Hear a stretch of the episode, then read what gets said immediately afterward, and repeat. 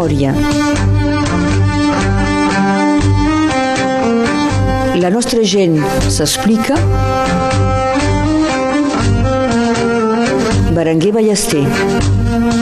Soc argelers per fer memòria amb un home que ha fet tota la seva carrera professional a l'administració municipal i departamental i a més s'ha interessat per la història, l'arqueologia, etc. Jean-Pierre Bisli, bon dia. Bon dia. I gràcies de m'acollir a casa vostra, aquí a Argelers.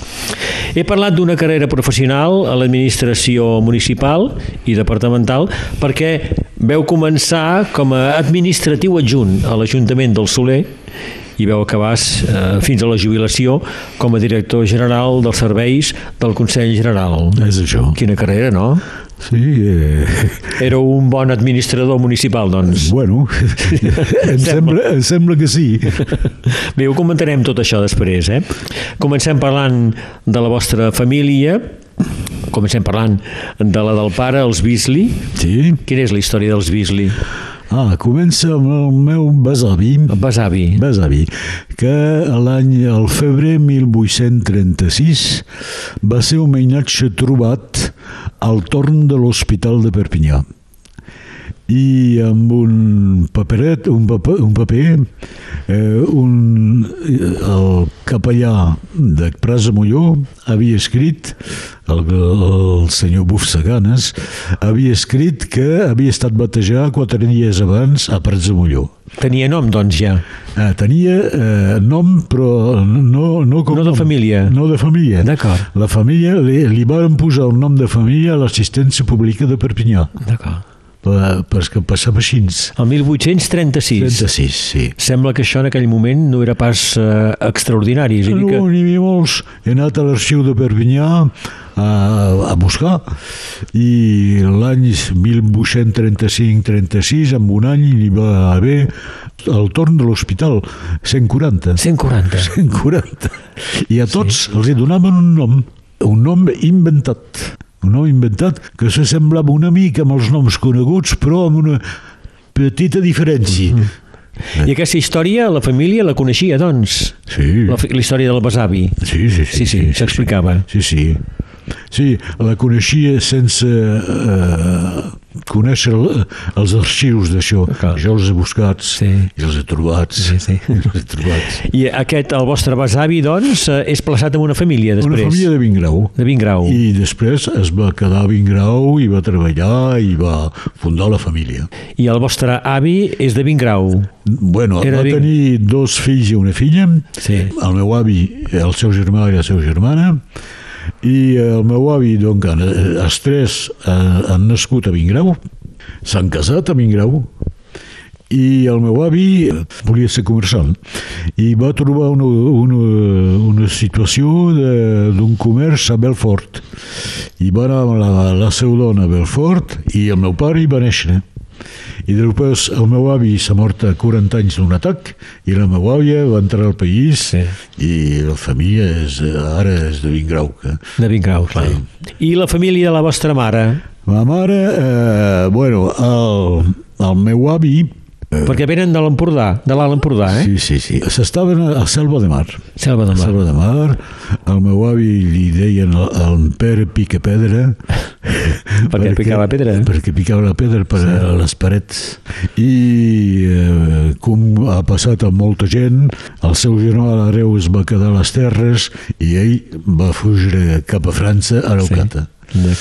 I, I això era cap al 1910, Eh, sí, eh, sí, abans? 1910. Sí. La meva mare va néixer en 1905 i el meu pare en 1903. I com que el meu pare amb la seva mare eh, i els seus germans eh, s'havien baixat cap a Leucata, la meva el meu pare es, va- es van conèixer a Leucata. I van casar i van anar a Perpinyà per, per la feina.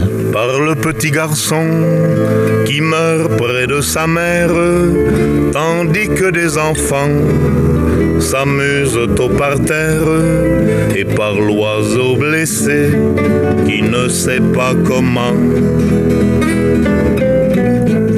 Son mêle tout à coup, sans sanglante et descend, par la soif et la faim, et le délire ardent. Je vous salue Marie par les gosses battus, par l'ivrogne qui rentre, par l'âne qui reçoit des coups de pied au ventre, et par l'humiliation de l'innocent châtié. Par la Vierge vendue qu'on a déshabillée, par le Fils dont la mère a été insultée. Vous salue, Marie. Avui faig memòria amb Jean-Pierre Bislí, estem a casa seva, aquí a Argelers, ja sabem eh, coses de la seva família, de la família del pare i de la família de la mare. Vos naixiu a Perpinyà el 1940. Sí, Uh, la família s'està al Baix Bernet. sí. Aneu a escola? Tot primer eh, un any a l'escola Sant Mateu, classe maternal, eh? I, i després a l'escola Sant Joan fins a, fins a 11 anys Mhm. i després al Liceu Aragó.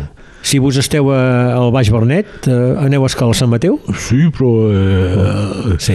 eh, en aquest temps eh, no era cap problema d'anar a peu, eh? No, no, no, no és, és veritat. és ara que costa de caminar.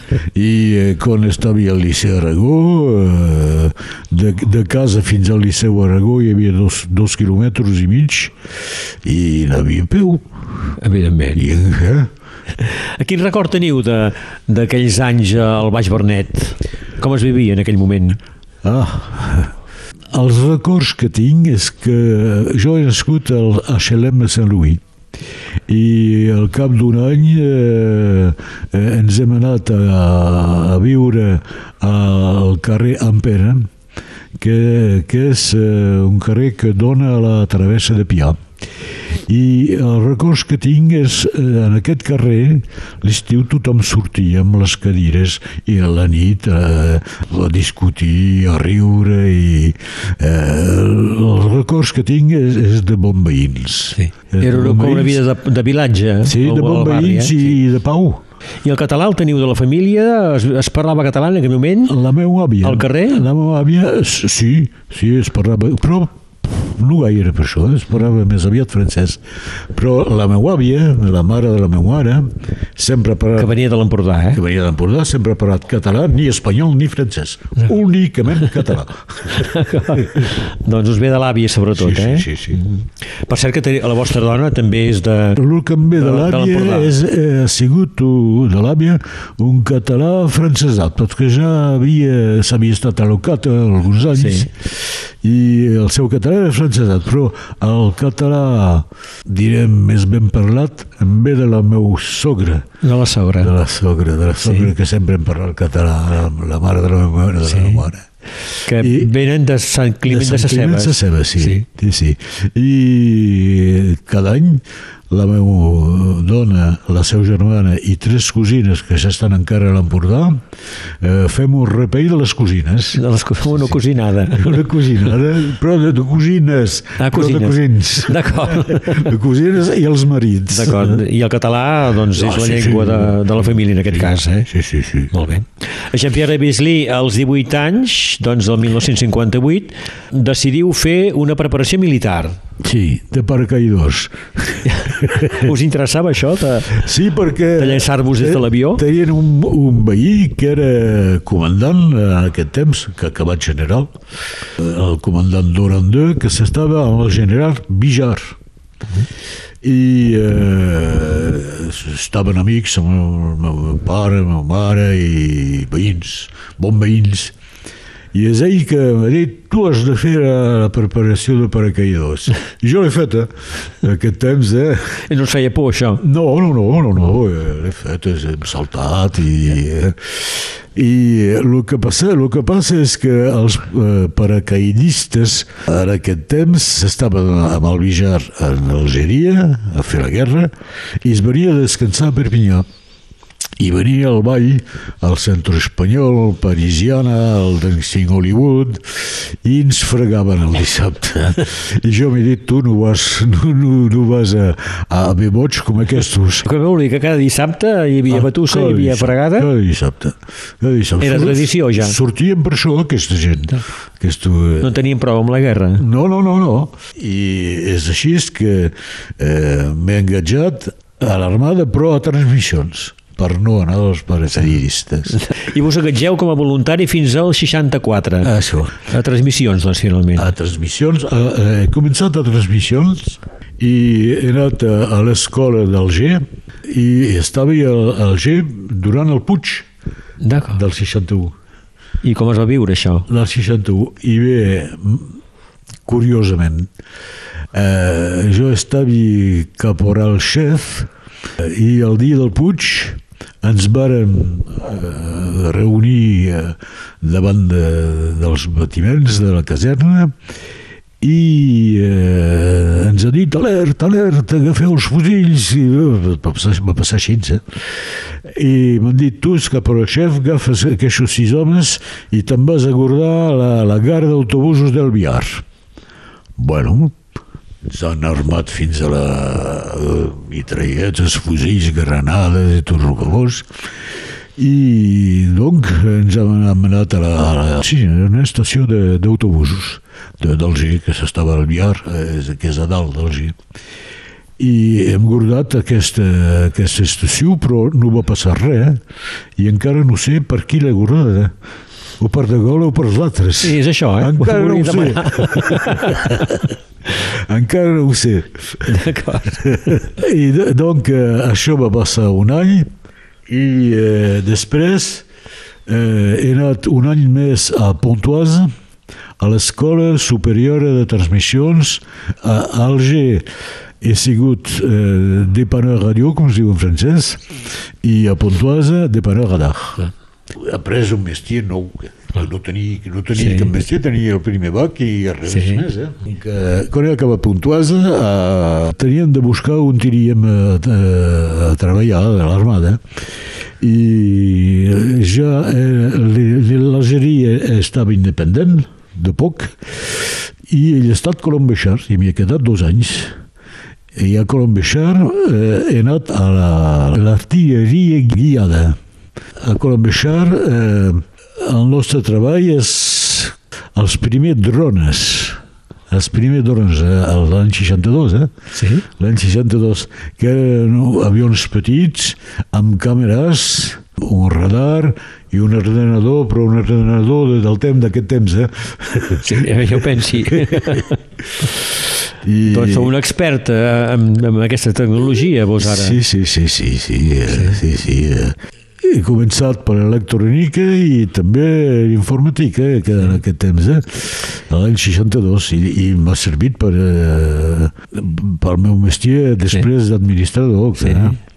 Sí, sí, perquè crec que heu estat un expert informàtic, no?, Sí, en l'administració sí, sí, municipal. Sí, sí, sí, sí, sí, sí. I continueu amb aquest interès per aquesta tecnologia? Sí, sí, però ara... Més tranquil·lament. Més tranquil·lament.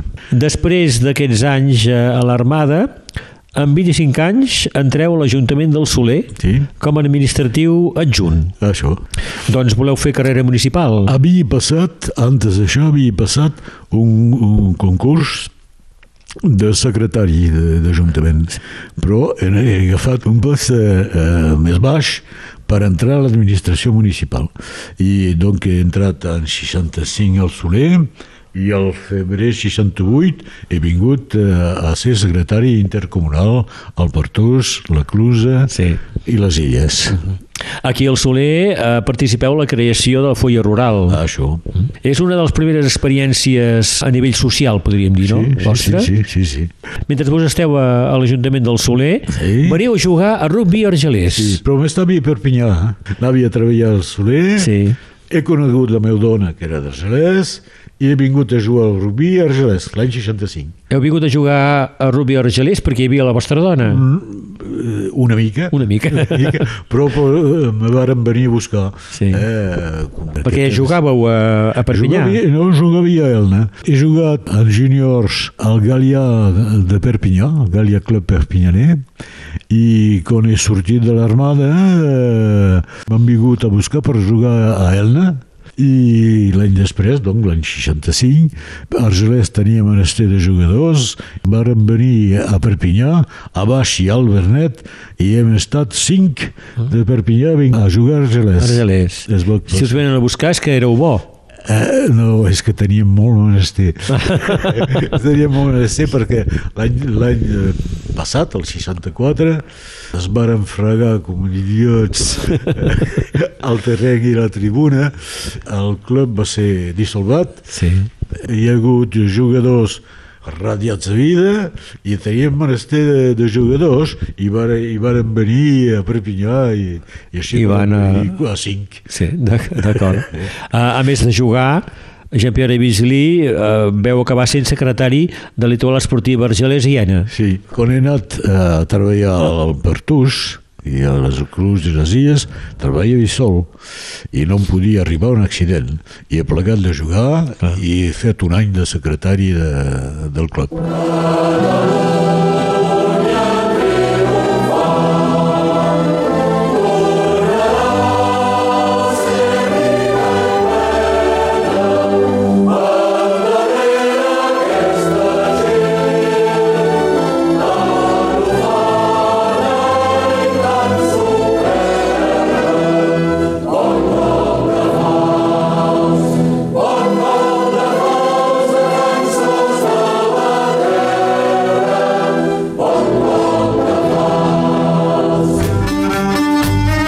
Memòria a Ràdio Arrels amb Berenguer Ballester. Avui faig memòria amb Jean-Pierre Bisley a casa seu, aquí a Argelers. Ja sabem que jugueu a Argelers a rugby a l'any 65, on coneixiu la vostra dona, i el 71 entreu a l'Ajuntament d'Argelers. Sí, tot primer el 67 ens casem. Us caseu al 67. Sí, i, i vinc a, a estar a Argelès, Sí, casat. d'acord. Eh? Vos esteu a Argelers Sí. i el 71 entreu a l'Ajuntament. El que passa és que al 67 ens casem, al 68 eh, fem la fundació de Massana amb l'Andreu Capella, Sí. A la revista Massana. a la revista Massana, i del foyer, del foyer comunal de, ju de la joventut d'Argelès, jo he sigut, he sigut president. El 68 això també. I el 71, eh, després de les eleccions, eh, he entrat a, a l'Ajuntament d'Argelès. Doncs si ja amb en Capella, l'Andreu Capella, creeu la revista Massana en aquell moment, és que ja en aquell moment us interessava Ah, sí. tota la història, l'arqueologia, el patrimoni. sí, sí, eh? molt, molt. Ho comentarem després. Sí, sí, sí. Perquè voldria seguir encara el vostre recorregut professional, tot i que amb 31 anys esteu treballant a, a l'Ajuntament d'Argelers i amb 31 anys torneu als estudis Sí. per fer ciències econòmiques Sí. a la Universitat de Perpinyà. Eh? Volíeu millorar la vostra formació? Sí, i comprendre el món. I per això he fet ciències econòmiques. I cal afegir també que en aquell moment és quan entreu al Partit Socialista Eh, el Partit Socialista, eh, i, eh, el que passava és que estava el secretari general d'Argelès, de en Gaston Pams, que, que era radical. Sí. I jo les idees socialistes sí em varen venir el 71, però no he pogut entrar al Partit Socialista tant, tant com eh, estava el secretari Amb el eh, Pams. d'en Pams, que eren molt amics. Eh? I eh, el que va va passar és que eh, l'any 77 hi ha hagut les eleccions municipals i eh, Gaston Pans va fer la primera llista de l'Unió de les Esquerres i vam passar eh, molt bé i quan això ha sigut passat li he dit ara puc anar al Partit Socialista. I què us va dir ell? Eh, sí, vés-hi, vés-hi. D'acord. Sí, sí. Ah, En aquell moment també a Argelers fundeu el foyer dels joves Sí. i feu venir un jove cantaire del sud, I Lluís Llach. el Lluís Llach. Es va cantar l'estaca, que era, tot, que era nova, eh? Sí. Era nova. I que en aquell moment no sé si gaire gent coneixia en Lluís Llach. Eh, em sembla que ha sigut el Bernard Rio que l'ha fet Sí. venir, que, que, que ell tenia D'Argelers, també. contactes, sí, i, Sí. i també per... Eh, eh, era jornalista, Bernard, eh? Sí, sí, sí. I em sembla que és ell que tenia contactes. A Jean-Pierre Bisley, per completar el vostre recorregut professional, després de l'Ajuntament d'Argelers, salteu al Consell General Sí. com a director general dels serveis. Us criden aquí? Sí, Cristian Burke. En Burken es, us crida. Burke. El coneixíeu bé? Sí, el coneixia, el coneixia de, de com va venir, com va tornar a venir eh, al departament, perquè treballava a Montpellier. És el Freixa, el Josep Freixa, que el va fer venir al departament per reorganitzar eh, el Partit Socialista. I va venir eh, l'any 92. 92 i l'he conegut d'aquest temps que eh, ja, ja el coneixia fa sis anys quan, eh, quan ha guanyat el Consell General eh? Sí. i el que passava és que per de, el post de director general de serveis se tenia d'haver eh, el grau d'administrador i jo el tenia i eh, n'hi havia d'altres eh, al departament, però els altres eren de dretes. Ah. I el Burguet m'ha dit, vine, vine. Doncs, com a director eh, general de serveis del Consell General, Sí. vol dir que coneixeu totes les interioritats de la política d'aquest país, eh? Sí. I dels polítics i, Sí, sí. i de totes les històries internes, no? Sí, sí. Que no m'explicareu.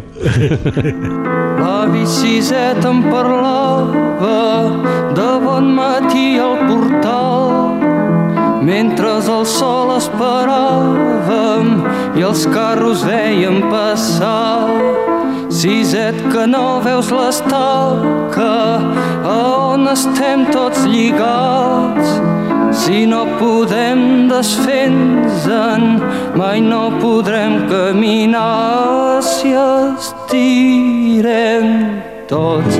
Ella caurà i molt de temps no pot. Segur que tomba, tomba, tomba, ben corcada deu ser ja. Si jo l'estiro fort per aquí i tu l'estires fort per allà, segur que tomba, tomba, tomba i ens podrem alliberar. Jean-Pierre Bisley, a la introducció he parlat del vostre interès per la història, per l'arqueologia, ja sabem que quan veniu a treballar a l'Ajuntament d'Argelers ja us interessa perquè amb l'Andreu Capella eh, creeu la revista Massana. Això. Quan comença aquest interès per la història, pel patrimoni, per l'arqueologia? En aquest temps, eh, l'any eh, 67, com a quasi i m'estic a Argelès, i coneixi en Capella, Bernard Rieu, i en Joan-Louis Loreto i alguns altres, i parlem, i aquest temps era l'època que se'n dia del regionalisme. I el que passava, el que ha passat és que eh, quan hem fet la- l'associació Massana, varen venir eh, amb nosaltres dos arqueòlegs que no eren professionals, però que eren coneguts del el Grau i el Jansana. El Grau i el Jansana, i eh, amb ells eh, hem anat a la capella de Sant Llorenç del Món a netejar camins, a fer, ja, ja, ja havien començat a fer algunes coses que, i parlàvem, parlàvem, parlàvem i d'aquí eh, em va tocar això de, del patrimoni, de, de l'arqueologia i, i però em va interessar molt, però després he tingut massa treball Clar. sempre m'hi ha interessat, però per fer les feines no podia. O sigui que les recerques, de fet, les feu quan us jubileu, per, Això. després de la jubilació. Això, això, eh? això. I per què l'arqueologia? No, el que passa, tot primer, el nostre interès era la catalanitat. Eh? Eh, era el temps del regionalisme i el regionalisme d'aquest temps eh, per nosaltres era regionalisme català i no occità. Evidentment. I no occità. La catalanitat ens interessava, interessava però d'on venia la catalanitat? Quina era la història d'aquest país? I això ens va entrenar la història, l'arqueologia, el patrimoni, tot això. Sí. Feu recerques sobre Tatzó damunt i Tatzó davall. Sí. És un dels temes vostres, aquest. Sí, perquè, eh, bueno, quan he estat jubilat, eh, la primera cosa que em va saltar al cap i que no havia tingut temps d'interessar-me eren els vescontes de, de Tatzó. Que, per què hi ha hagut vescontes a Tatzó? Per què hi havia un castell? Qui, quin era aquesta gent? I he començat a fer recerques sobre els vescontes. Aneu als arxius? als arxius. Eh, eh, en aquest temps jo estava jubilat, però la meva dona encara estava jubilada, però ha anat a 3 anys a l'Hospital Clínic de Barcelona a reorganitzar la direcció dels cuidats. I jo anava a Barcelona de quan en quan, doncs he anat a l'arxiu de Perpinyà i també a l'arxiu de la Corona d'Aragó a Barcelona. A Barcelona. I, i buscat aquí sí. les recerques Sobre Tatzó. sobre I els vescomtes de I Tatzó. els vescomtes de Tatzó. El que m'ha passat a la idea és que per què hi havia un vescomte a Tatzó, perquè tenia un castell, perquè s'hi han ficat, i m'ha vingut a la idea que i abans dels vescomtes hi havia coses abans. I eh, el que passa és que eh, l'itinerari d'Antonín fa estat a la via Domicià d'una estació que se'n diu Estació ad Stabulum. Alguns es pensa que ha sigut le- l'església Santa Eugènia de Tres Mals, que és a la vora del Tec, al nord del Tec, d'altres a Morellàs, però ningú sap uh, on estava. I jo, uh, em sembla que si els vescomtes s'han ficat aquí és que hi havia una, una cosa abans. I jo penso que aquesta estació d'Estabulum estava tot sota davall i que la via Domicià arribava aquí i que a Tatzó hi havia la pata d'oca amb la via Domicià que anava a Bonamart, al Coll de Banyuls i al Bertús. És la vostra teoria sobre la via Domicià. Sí, sí, sí. sí. I què en diuen els arqueòlegs professionals, podríem dir? Eh bé, Universitaris. Que, el que passa és que Tatzó, eh, hi ha hagut treball d'arqueòlegs, falta al Liceu, al Liceu han trobat coses però medievals, però no romanes. Sí, a la vora de Pujols s'ha trobat peces romanes, però a Pujols i no a Taxó. I eh, ningú, ningú s'ha trobat alguna prova que la via Domicià, que la via Domicià, o anava a Collur, o anava al Pertús, molt segur que la via principal eh, passava per, eh, pel Port, el Portús i Panissars. Sí, això sí, no? Sí, un Castellví ha trobat. Sí. Sí. Eh, bueno, eh, és molt segur que passava aquí, però jo, jo penso que aquesta via que, que anava al Portús ha sigut l'autopista, però que abans hi havia carreteres. D'acord. Eh? I continueu a la recerca sobre aquest tema? Eh, no, no, de moment. Ara, és que ara esperem que un arqueòleg trobi una prova. Eh? Sí. és com eh, també Aníbal. Aníbal tothom diu que va passar al Pertús. Al Pertús amb 80.000 homes, 30.000 cavallers i 37 elefants, un sol col, com de temps li ha calgut per passar per un sol col? I que volia eh, anar a Roma. Jo el que pensi és que ha passat per tots els cols di- disponibles, del Pertús de Cervera. I la peça, i l'única peça que prova eh, d'aquest passatge és el coll, coll de la Carbassera, a prop de la Sana Almassana, han trobat un dracma de Sagonta, el dracma del temps d'Anival. Donc, ah. ha passat per aquí també, ha Sí. passat per tots els cols, ha, ha, ha dividit la seva armada. No podia passar tota l'armada pel mateix coll. Sí, això, Sí. sí. això. D'acord. Jean-Pierre Bislí, també, en el vostre recorregut eh, intel·lectual, heu presidit l'Associació Capbreu d'Argelers, Sí. que treballa sobre la història i el patrimoni. Sí. Un altre doncs, moment eh, del vostre interès Ah, sí, per sí, aquestes matèries. Sí, eh? sí, sí.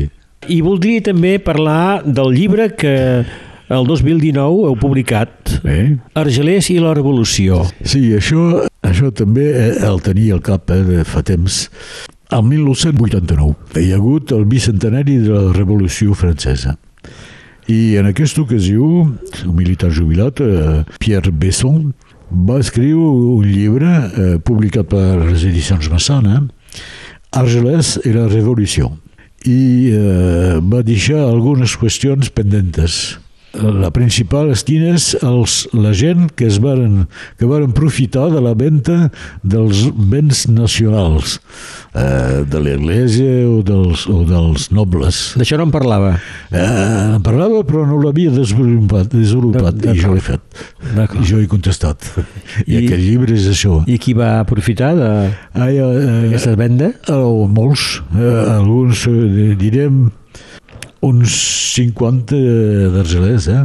però més ha sigut Marc Surjús, que després ha estat alcalde de 1805 a 1813, tot el temps de Napoleó.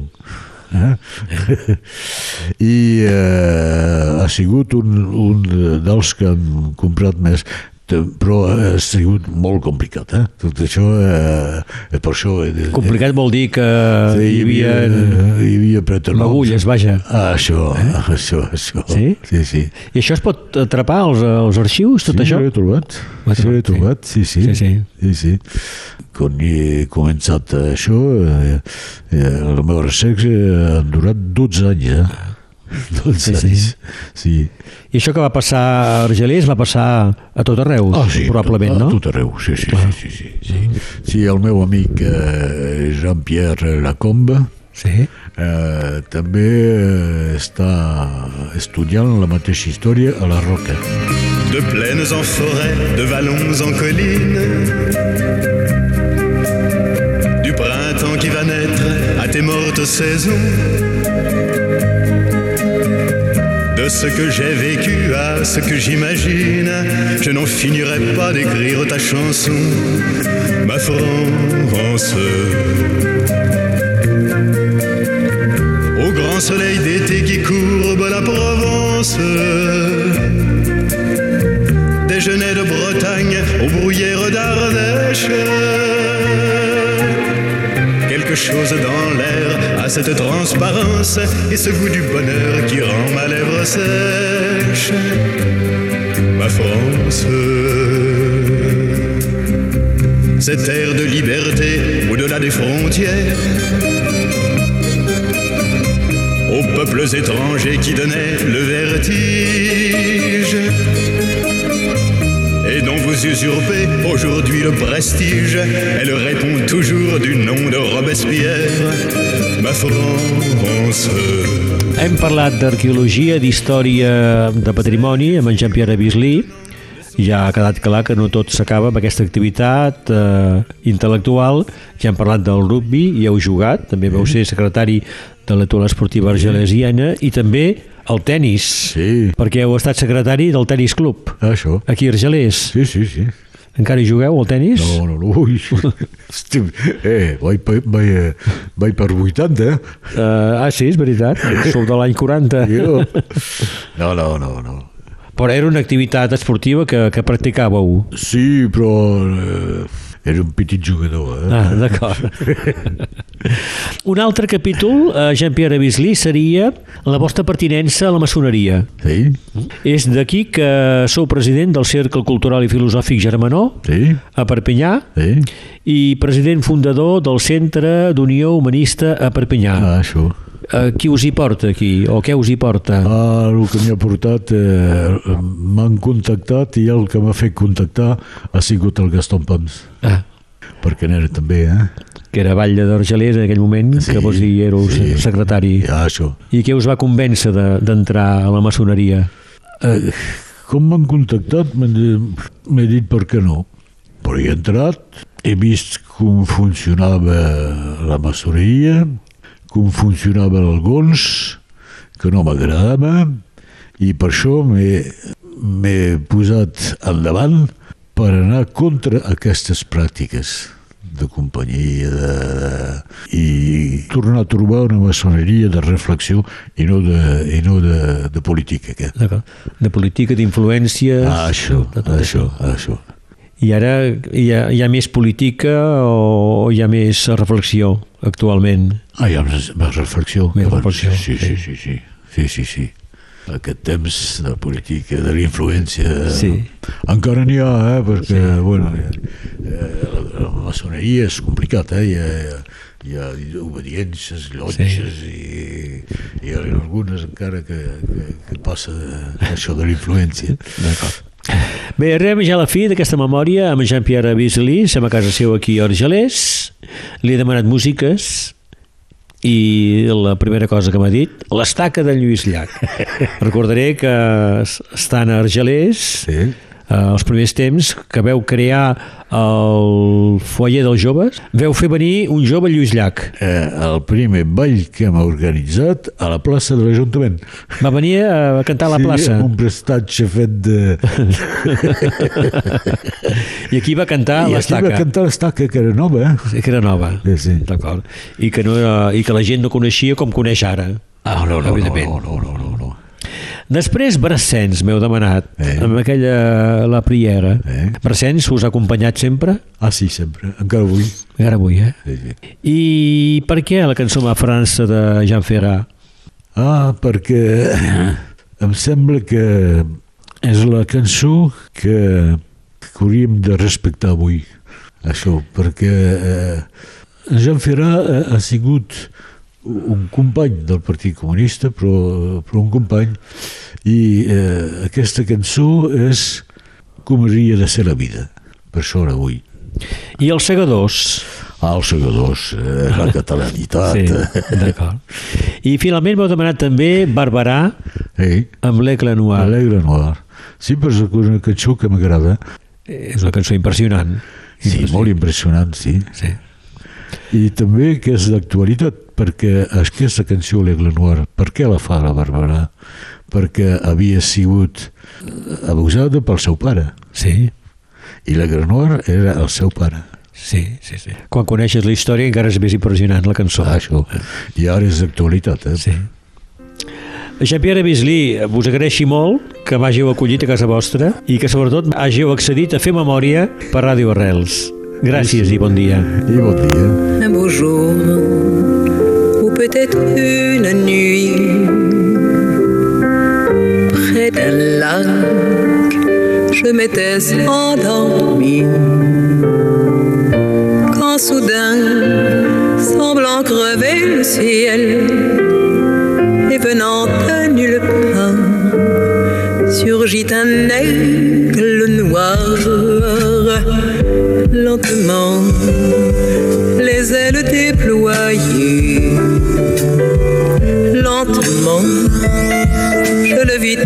Près de moi, dans un bruissement d'ailes, comme tombé du ciel, l'oiseau vint se poser. Il avait les yeux couleur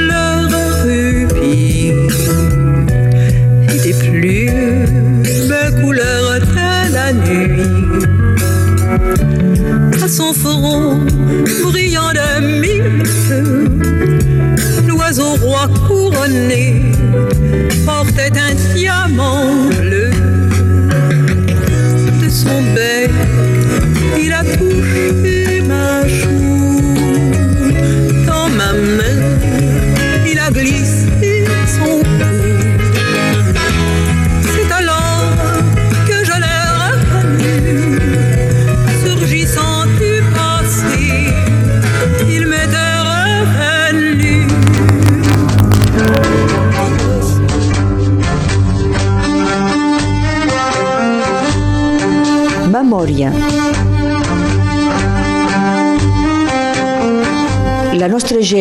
s'explica. Berenguer Ballester.